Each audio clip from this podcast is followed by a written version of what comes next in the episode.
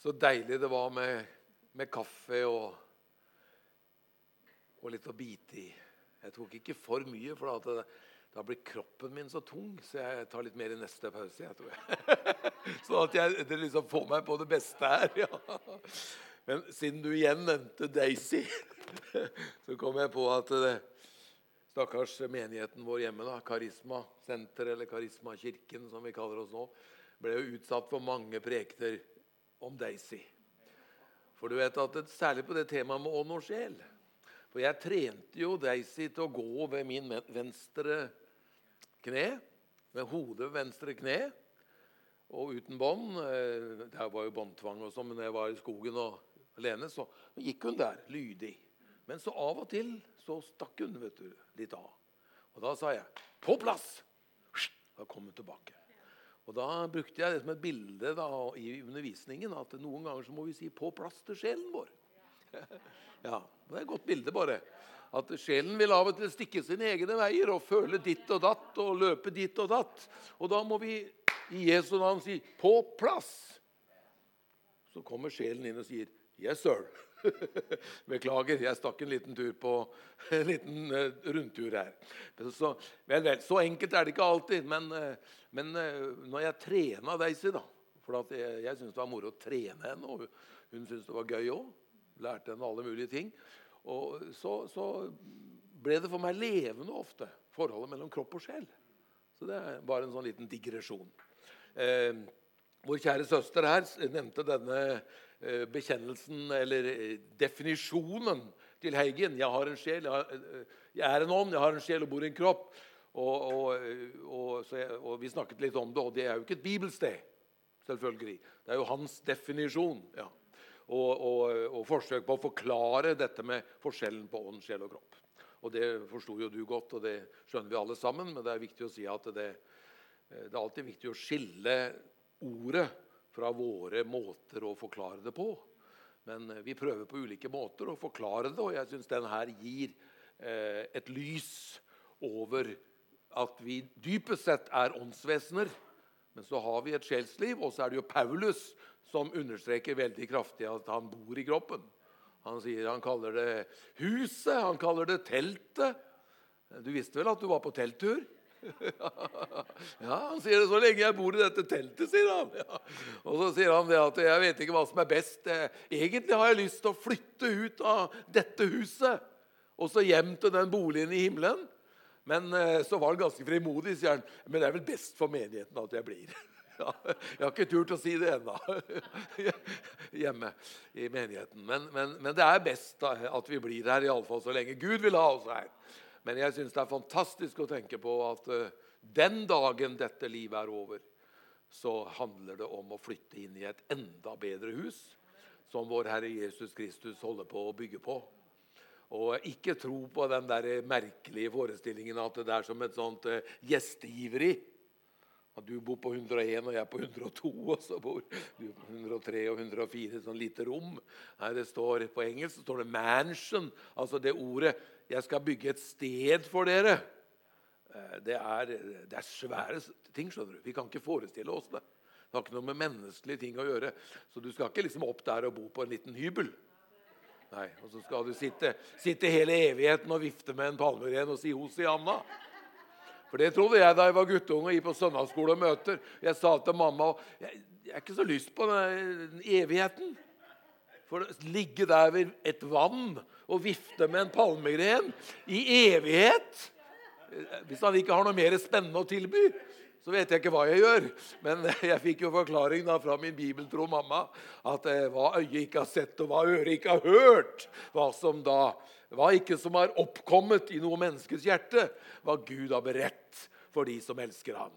Sånn at eh, det er store ting på gang. Nå kjente jeg at jeg kom over i et nytt gir. Halleluja! Det er store ting på gang, skjønner du. Og det må vi få med oss. Eh, men her er vi på undervisningen, og vi snakker da litt videre her om menneskets sjel. Eh, vi har snakket om, litt om ånden. Vi skal komme tilbake til det. Men vi holder på å definere her menneskets ånd, som er det indre i mennesket. Det som gjør oss til mennesker og ikke til dyr Det som gjør at vi kan ha kontakt med den åndelige verden, det er vår ånd. Så har vi også en sjel, og vi skal studere mer på at sjel og ånd er ikke det samme. Og Jeg har lyst til å ta deg med rett og slett inn i eh, første Korinterbrev, hvor Paulus snakker om nådegavene. For der skriver han noe veldig, veldig interessant og tydelig. Han sier i eh, Det har vi her, ja. Veldig bra. Det var litt, jeg har lagt inn litt feil her, men du får det med. For hvis jeg ber og taler i tunger, er det ånden min som ber. Stoppe der et øyeblikk. Altså, Når du taler i tunger, hvis du har tungetalens nådegave, som sikkert de fleste har, og den er det mulighet til å få eh, Hvis du ber med tunger, er det ånden din som ber. Men forstanden har ingen nytte av det. Det betyr bl.a. at vi skal studere med vår forstand.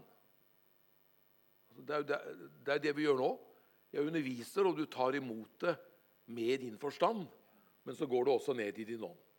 Hva skal jeg så gjøre? Jo, jeg skal be med ånden, altså i tunger, men også med forstanden. Jeg skal lovsynge med ånden, men også med forstanden.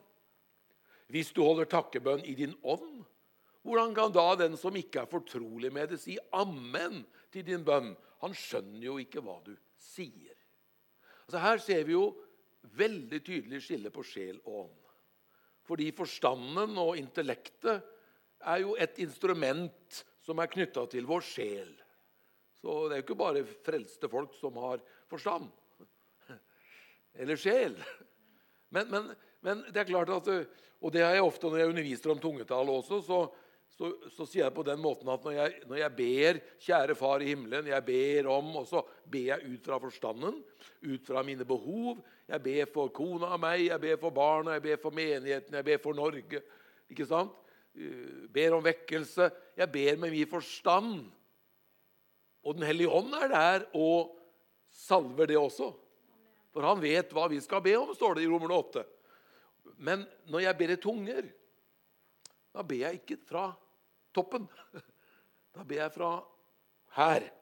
Altså, hvor ser du? Altså, jeg har ikke noen spesiell teologi på det, men, men, men, jeg kjenner at det ligger her i mitt indre. Og, og, man kan også i grunnteksten, når det står 'fra deres indre', sier Jesus, så eh, kan det oversettes 'buk', f.eks. Altså, det betyr at eh, den hellige, eller vår ånd bor i oss. Og Den hellige ånd bor i oss. Og når vi ber Og det er der mange gjør feil når vi skal tale i tunger også. eller liksom, eh, Hvordan skal jeg få til det, liksom? Hva skal jeg si? Nei, Prøv å hente opp det som er der inne. For nå skal du ikke snakke fra vettet. Nå skal du snakke fra ånden. Ja. Så her, her, ser vi et veldig klart bevis på denne forskjellen. Han sier det at eh, hvis du ber med din ånd, så kan jo ikke de som ikke er fortrolige med det, si ammen til din bønn. Det betyr ikke at det er forbudt å be i tunger. Paulus sier 'jeg ber mer i tungetale enn noen'. sier han. Da skal du be mye tunger, altså. Hvis jeg hadde stått her og sagt at kjære forsamling, bare vær klar over én ting, jeg ber mye mer i tunger enn noen av dere.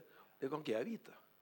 Så jeg tenker at når Paulus skriver det, så må han ha vært en tungetaler av rang. Men eh, parentes, da. Bruk tungetalebønnen mye. For det første da ber du helt etter Guds vilje. For det andre det lader dine åndelige batterier. Du skjønner ikke alltid hva du ber om. Noen ganger så får du en slags forståelse av hva du ber om. Gud gir deg det. Han kan til og med gi deg tydning til deg selv.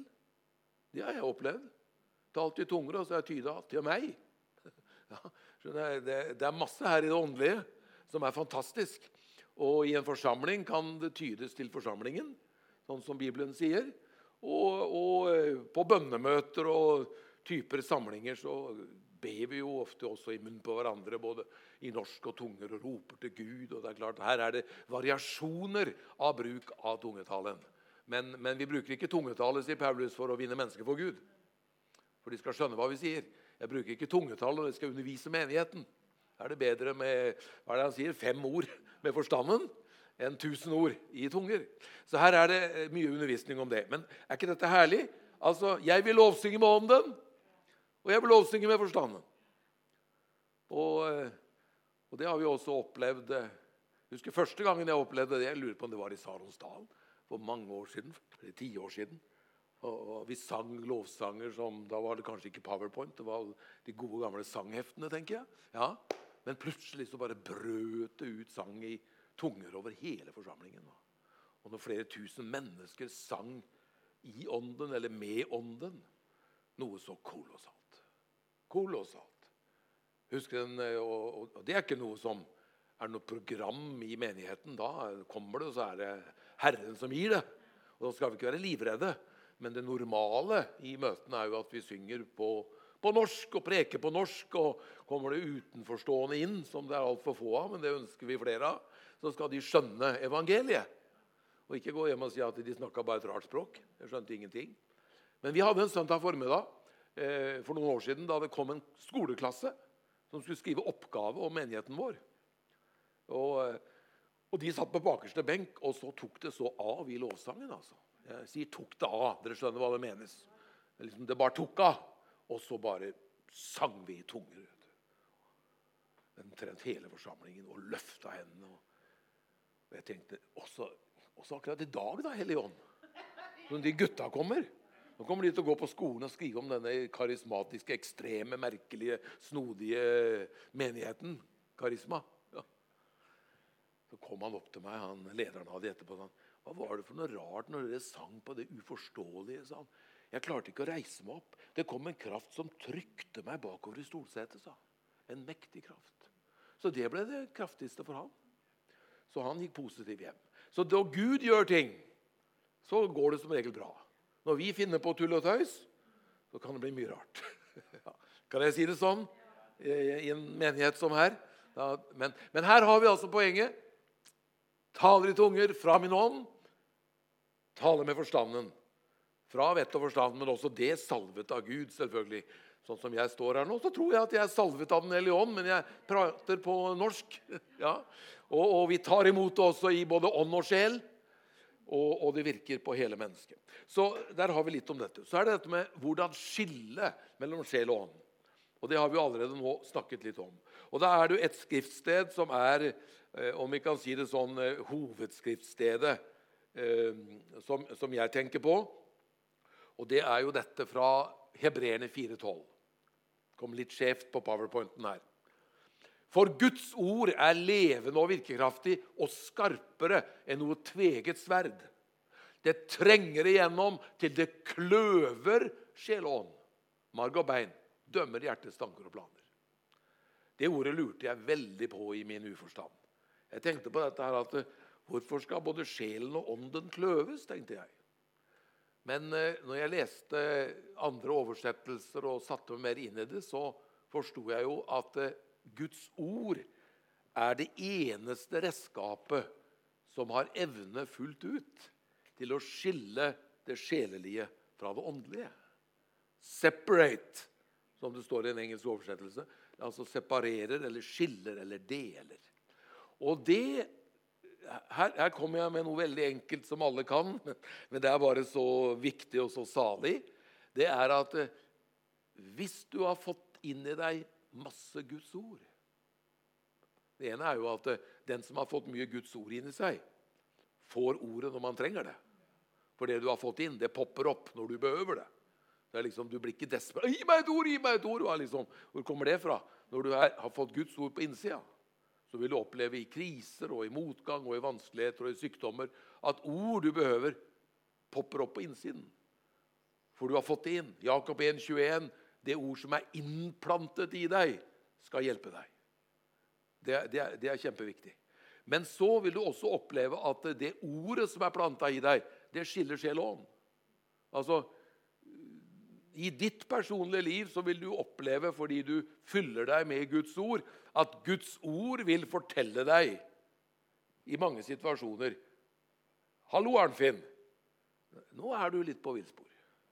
Dette er noe som sjelen din drar deg inn i. Nå, nå dras du inn i noe følelsesopplegg her som ikke er riktig. Slapp av litt nå. Du vet, er, jeg, jeg, tror i morgen Jeg skal hit i morgen. Ja. ja.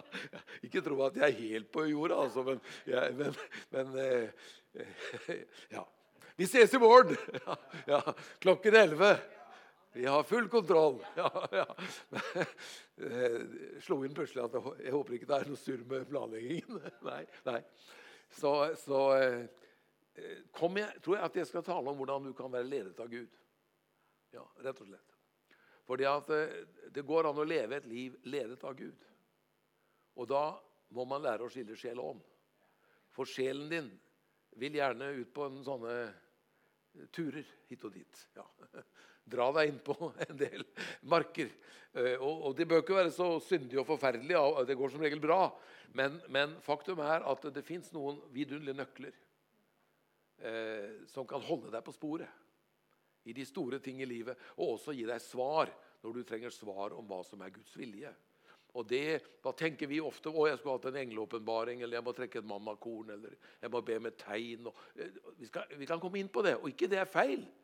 Men faktum er at Guds måte å lede sin menighet på, det er gjennom vår ånd.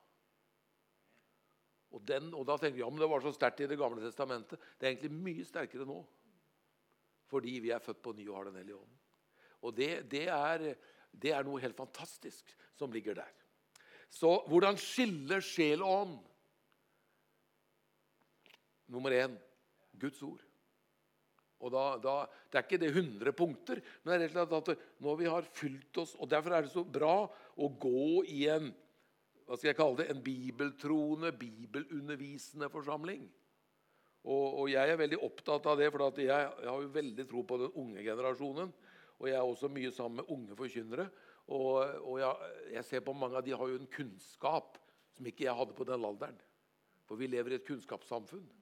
Og det er så viktig. Og jeg tror det er så bra både med bibelskole og studere teologi, og, og, og ikke minst studere hvordan mennesker og liv og samfunn fungerer. Fordi vi skal være relevante, og vi skal kommunisere med vår tid. Men samtidig så er det veldig farlig hvis forkynnelsen i en menighet reduseres til en type gode råd på veien. Life coaching, som vi sier på engelsk.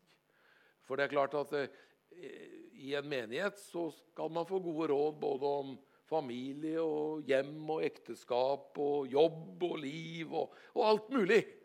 Men utgangspunktet er alltid at folk sitter igjen etter enhver gudstjeneste med et med Guds ord, altså. Ja, ja, med Guds ord. Det, det, er en sånn balanse. Fordi at uh, noe Og jeg er ikke kritisk til liksom, unge forkynnere eller andre. så Ingenting med det å gjøre i det hele tatt. Jeg bare heier de fram. Ja. Men, men, jeg prøver å veilede i hvor viktig denne balansen er. For jeg har alltid lagt vekt på det, i, alle fall i, i min forkynnelse, at, at folk kommer og får Guds ord. Og når de går hjem, så har de fått noen ord som de kan leve på. Og så tar vi en linje fra ordet inn i hverdagens problemer. Vi tar ikke bare hverdagens problemer og står og prater rundt de og gir en slags hjelp til å leve. Er du med? Ja, Jeg tror her er veldig viktig. Eh, jeg tror ikke det er noe fare for dere her, for dere ser bibelsprengte ut, alle sammen. ja, Til og med Steffen og jeg som er unge, unge, ungdommer. Vi er ungdommen her, vet du. Ja, vi har dette her inne. Veldig bra. Ja. Så eh, ja, det er flere ungdommer her som ikke blir Nå ble flere fornærmet på meg her! Ja, ja, ja, ja, sånn er det. Er vi på sporet her? Jeg bare sier at det, er, det, er, Guds ord som forandrer menneskers liv. Og jeg er så glad for at jeg vokste opp med, eh, med en mamma som eh, hadde Bibelen åpen hver morgen når jeg kom og skulle spise frokost og, og smøre matpakka. Eller jeg var sikkert veldig bortskjemt, så hun smurte den for meg, tenker jeg. ja, men, men, i alle fall, når jeg kom til frokost, lå Bibelen oppe. Og hadde vi et problem i hjemmet eller familien, eller et eller annet, og mamma sa 'Jeg har fått et ord til morgenen i dag', sa hun. Da visste lille Arnfinn problemet er løst. Ja, Mamma har fått et ord. Og, og, og, ofte fikk hun de ordene fordi hun var full av ordet. Og fordi hun var full av ordet, så fikk hun ord. Bør du ikke sitte liksom og lete fortvila på å finne et ord i salmene et sted i dag. Nei, for det kom opp fordi hun var full av ordet. Og Det er sånn Gud også leder oss gjennom ordet og gjennom ånden. Så det er ingenting som kan skille sjeliskhet fra åndelighet, sånn som Guds levende ord. Og Derfor er det så herlig at det også reiser seg en generasjon unge kristne nå over hele landet som er sultne på ordet, og som ønsker å erfare Den hellige ånd. For det er begge deler.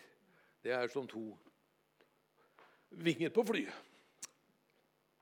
Det er et eller annet med dere som får meg til å gå så ut, liksom sånne runder utenom hele tiden. Det er, det er, ikke min skyld, det er dere, tror jeg. Ja. ja. Det er sånn man liksom, I, i prekenene på søndag så er jeg veldig fokusert. Men jeg sier til Den hellige ånd at når vi har seminarer, så må du, må du gi meg de rundene jeg skal gå. For av og til etterpå så sier folk når du sa det, da så jeg det. liksom. Men eh, dere får be for meg at jeg ikke tuller meg bort. da. Skal vi se. Guds ord er levende og virkekraftig, skarpere enn noe tveget sverd. Altså Der ikke vi av egen evne klarer å skille hva som er sjelisk og åndelig, eller følelser fra Den hellige ånd, der er Guds ord skarpt. Og det kløver og setter på plass i Arnfinn. Arnfinn, dette er fra din sjel, dette er fra din ånd.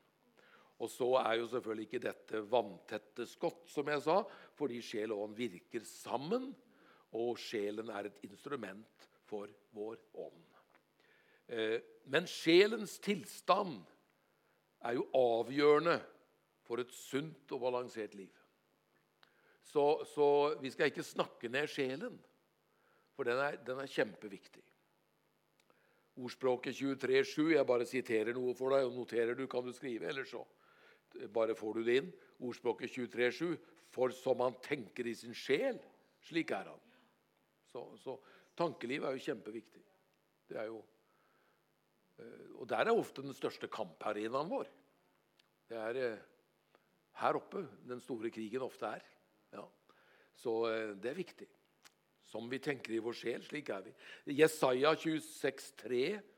Jesaja 26,3. Du skal bevare den i fred, ja, i fred, som har et grunnfestet sinn.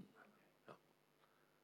Og, og, og, det, må jo, det må jo grunnfestes i Guds ord. Som Rombrevet sier i kapittel, kapittel 5, hvor det står at eh, da vi er rettferdiggjort av tro, har vi fred med Gud.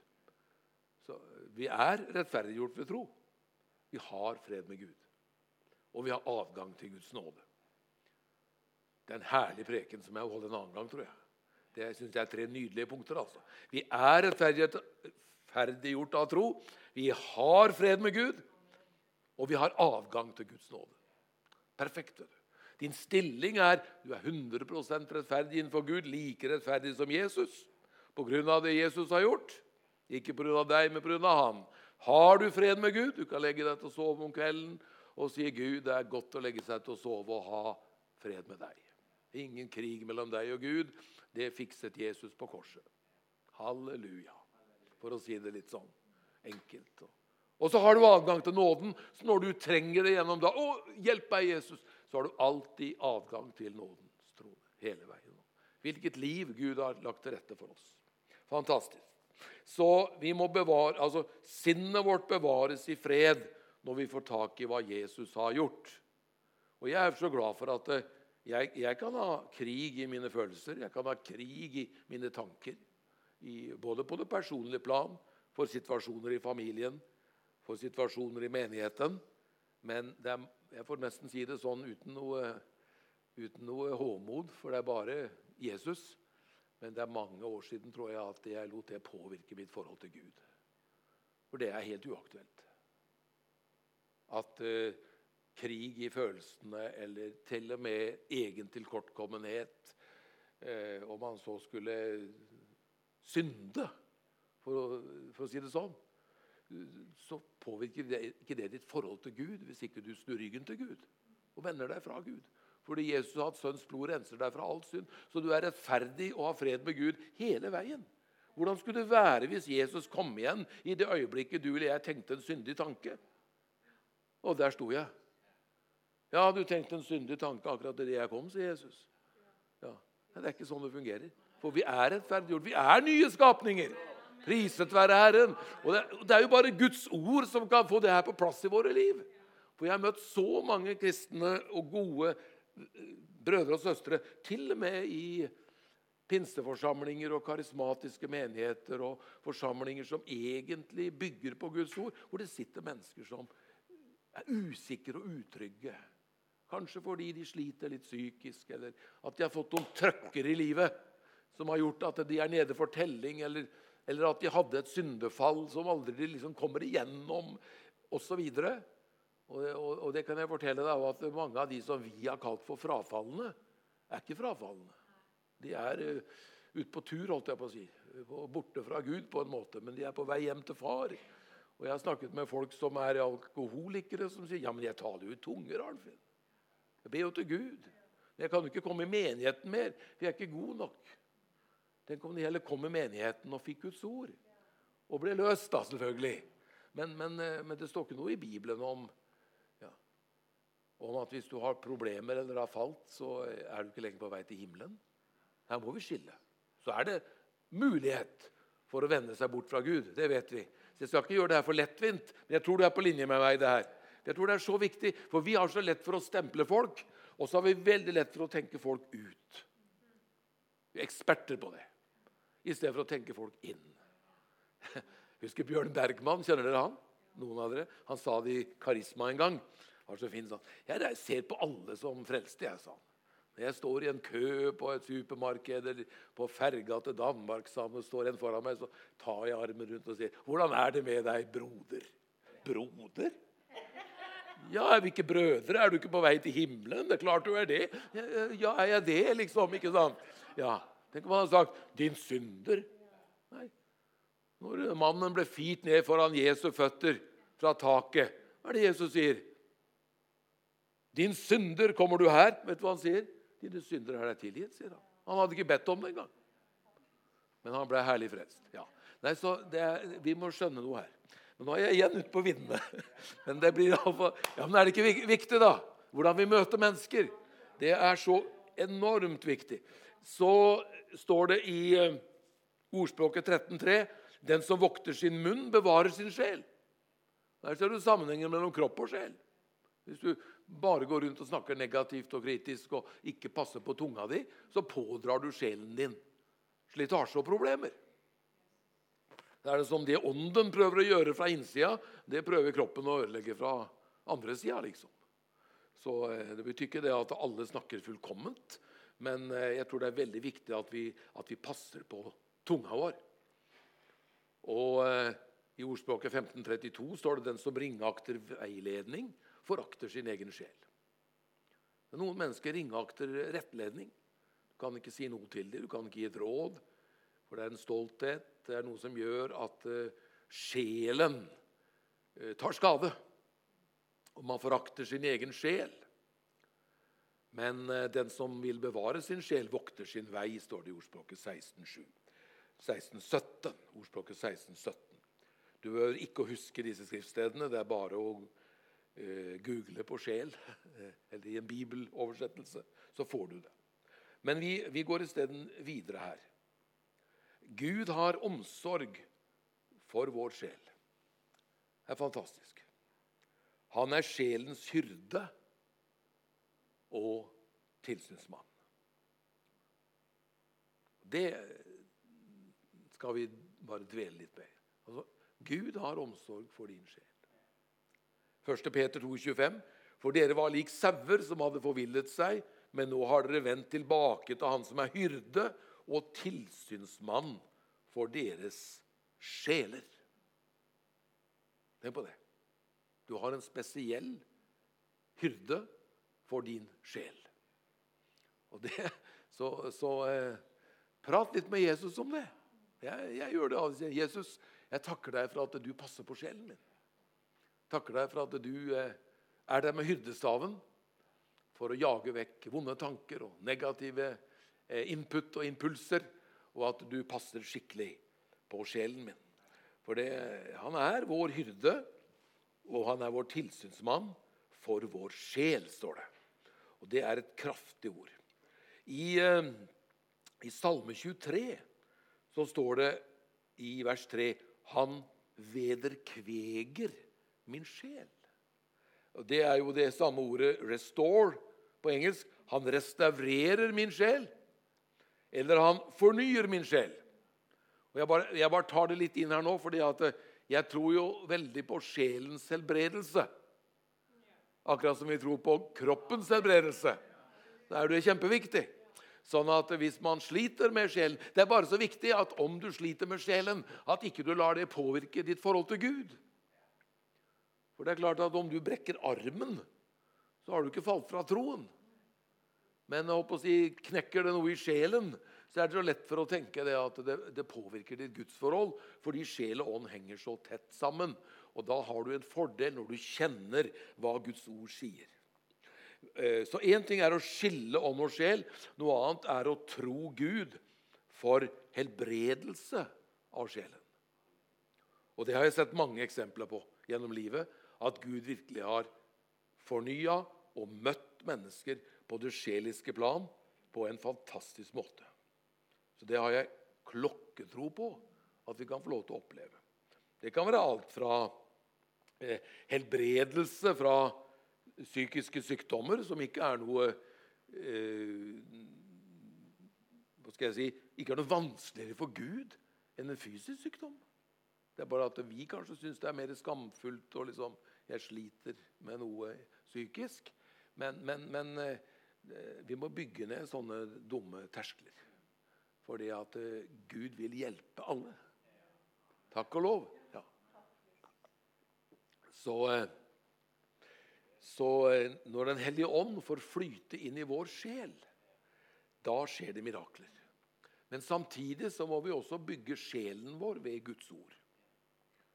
Fordi at eh, på samme måte som ordet er mat for vår ånd, er det også styrke for vår sjel.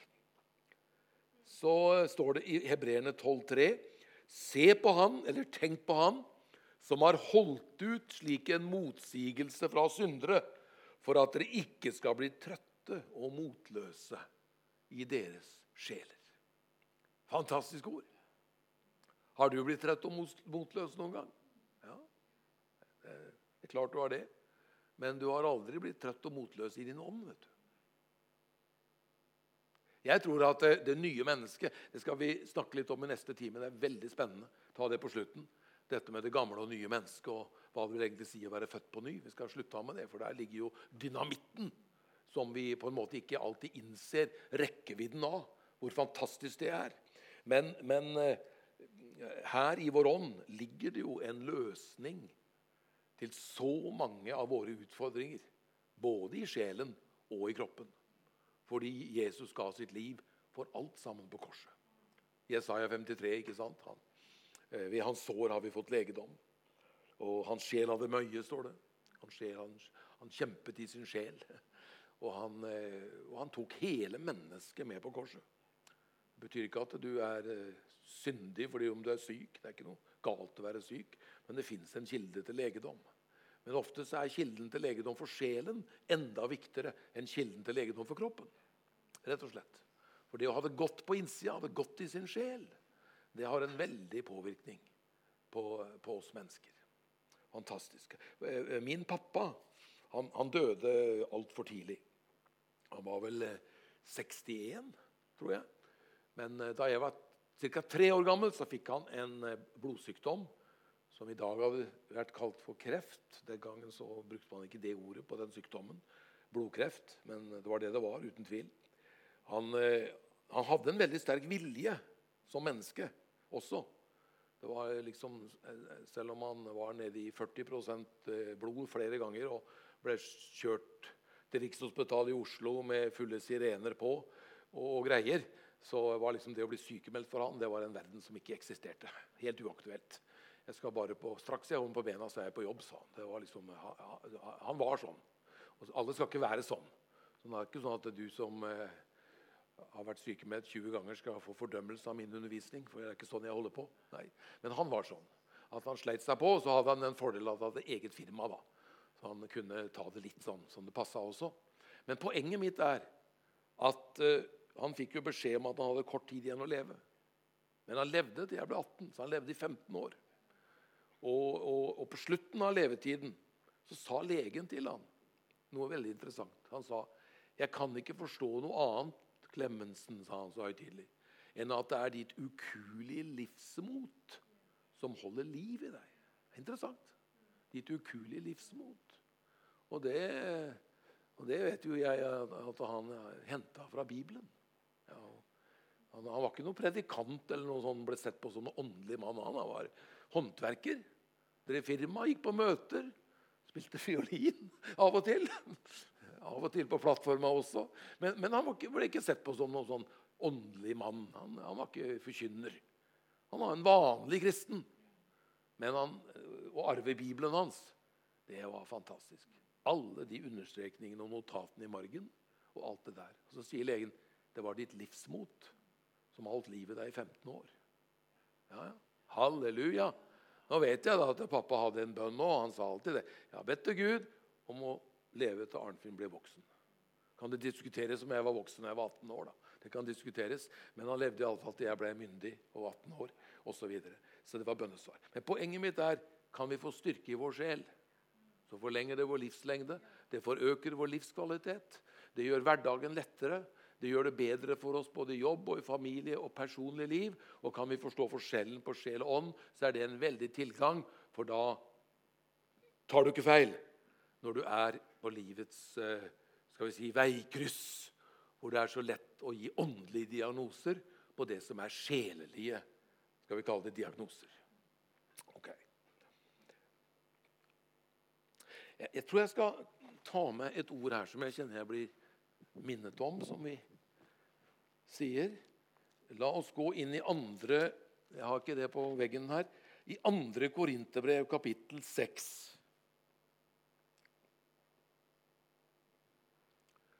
Eh, der står det i eh, skal Vi se, vi kan først ta kapittel 4.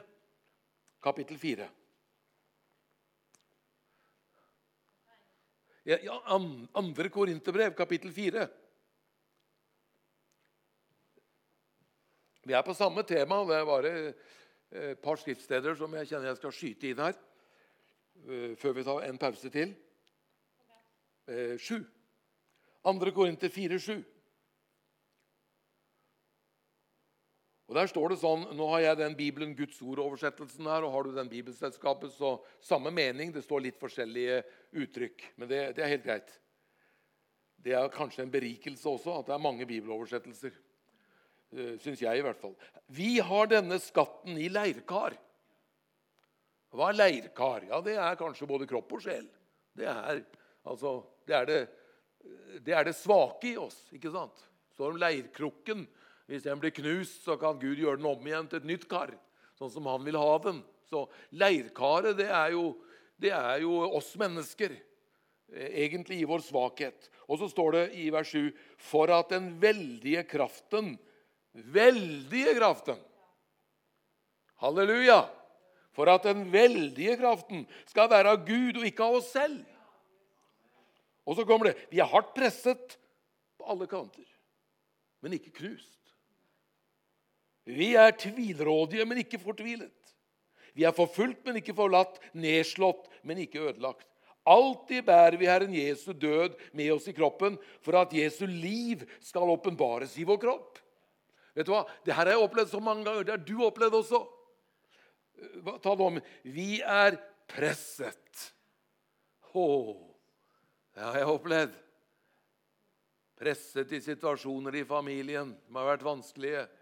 Presset i menigheten når, liksom, når ikke framgangen kom, og kanskje det var ofte Jeg pleier å si det, at den personen jeg har hatt mest trøbbel med i livet, det er meg og som er presset til sitt eget indre. Det er ikke fordi andre vil noe vondt. Men altså, ulike situasjoner var presset. Men ikke knust, står det. Ikke knekket, står det da. Hvorfor er, hvorfor er ikke vi knekket når vi er presset? Ja, Det er jo fordi at vi har et liv i vår ånd.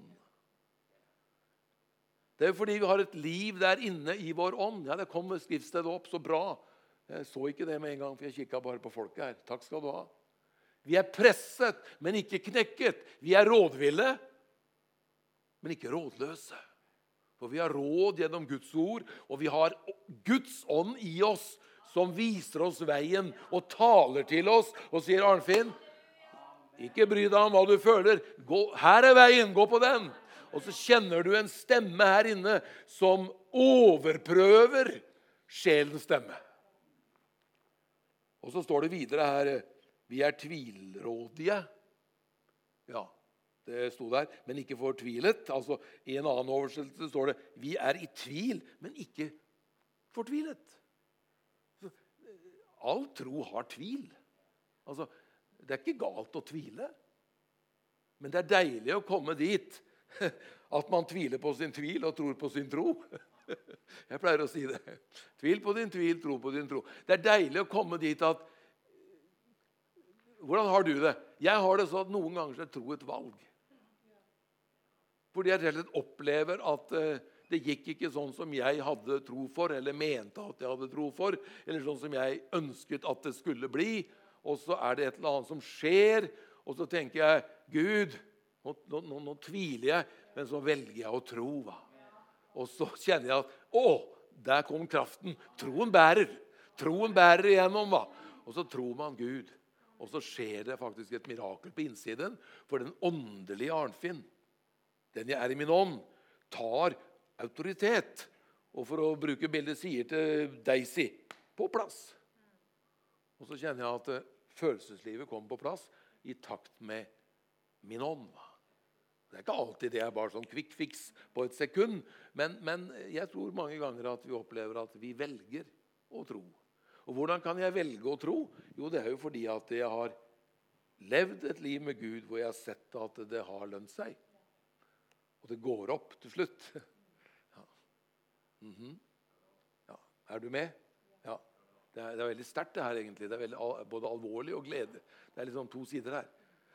Og, og jeg kjenner bare det at det, det, var viktig å få det her med. Så står det videre her Vi er forfulgt, men ikke forlatt. Nedslått, men ikke ødelagt. Slått ned, men ikke slått i hjel. Jo, er, nå er det krefter her, både i den åndelige verden og kanskje av og til mennesker også, som har prøvd å slå oss ned. Men vi er ikke slått i hjel. Vi lever ved Hans nåde. Amen. Og det er Ja. Jeg vet at mange av dere har prøvd mye i livet. Og vi har Hjemme i Karismakirken så har vi en del som jeg kaller heltene. Eh, og det er bl.a. noen kvinner eh, som har vært igjennom noen ting i livet som Det er bare helt ufattelige. At de sitter der og løfter sine hender og priser Gud. altså. Og jeg har sagt det til dem av og til. for Jeg åpenbarer ikke sjelesorg i et møte. Det er ikke det jeg sier. Men altså, dere er, dere er heltene. For jeg, fordi at jeg har vært såpass mye i kontakt med dem. Så jeg vet noe av hva noen av dem har opplevd. På, og de er ikke hyklere i det hele tatt, men de løfter sine hender og så sier vi tilber deg, vår konge. Vi priser deg, vår Herre. Og så har troen båret. Og så har de kanskje hatt faser hvor de har tvilt også på, nesten på Guds ord fordi at de har gått igjennom en del prøvelser. Men det, var, det står prøvelsene er kortvarige, står det. Og så kommer herligheten. Det skal du vite også hvis du er i en prøvelsestid akkurat nå. Eh, det er eh, temporary, som vi sier på engelsk. Det er alltid en vei ut. Du kjører aldri inn i en tunnel hvis det ikke er en utgang i andre enden. vet du. Da bør du snu. Da bør du stoppe. Ja, ikke du blir stående der. Og, og, og, og, jeg har vært i tunneler i mitt liv, og sikkert noen flere igjen. og Noe har jeg ikke svar på, noe skjønner jeg ikke, og noe forstår jeg ikke. Men jeg har erfart at troen på Jesus holder. Takk Gud for det. Og jeg er så glad for at det, det, dette indre livet her, som er Kristus i meg, håpet om herlighet, det bærer. Og det holder. Og det kommer til å holde til vi står der på den andre siden og jubler med palmeren i hånden, for å si det sånn. da. Ok, eh, Var vi gjennom det skriftstedet, så står det vel Altså, vi er ikke slått i hjel. Her står det vi er forfulgt og ikke forlatt, nedslått, men ikke ødelagt. Alltid bærer vi Herren Jesu død med oss i kroppen, for at Jesu liv skal åpenbares i vår kropp. Så eh, Det er jo en mektig budskap at både Kristi død Altså, vi døde med ham. Død over gamle Arnfinn. Jeg har oppstått med ham det er jo derfor vi lar oss døpe. Det er for å bli begravd eh, etter at vi er døde ikke sant, med Kristus. Ja. Eh, oppstått med Han, til et nytt liv. Så Jesu liv skal nå bli synlig til og med gjennom vår kropp. Og gjennom vår sjel. Og gjennom vårt liv. Det er fantastiske saker, dette her. Det er sånn at eh, det er nesten vanskelig å gå og ta en kaffepause. Men vi tåler det. Og så har jeg en siste bit til slutt. Og vi skal ikke gå over tiden. Så eh, Amen. Amen.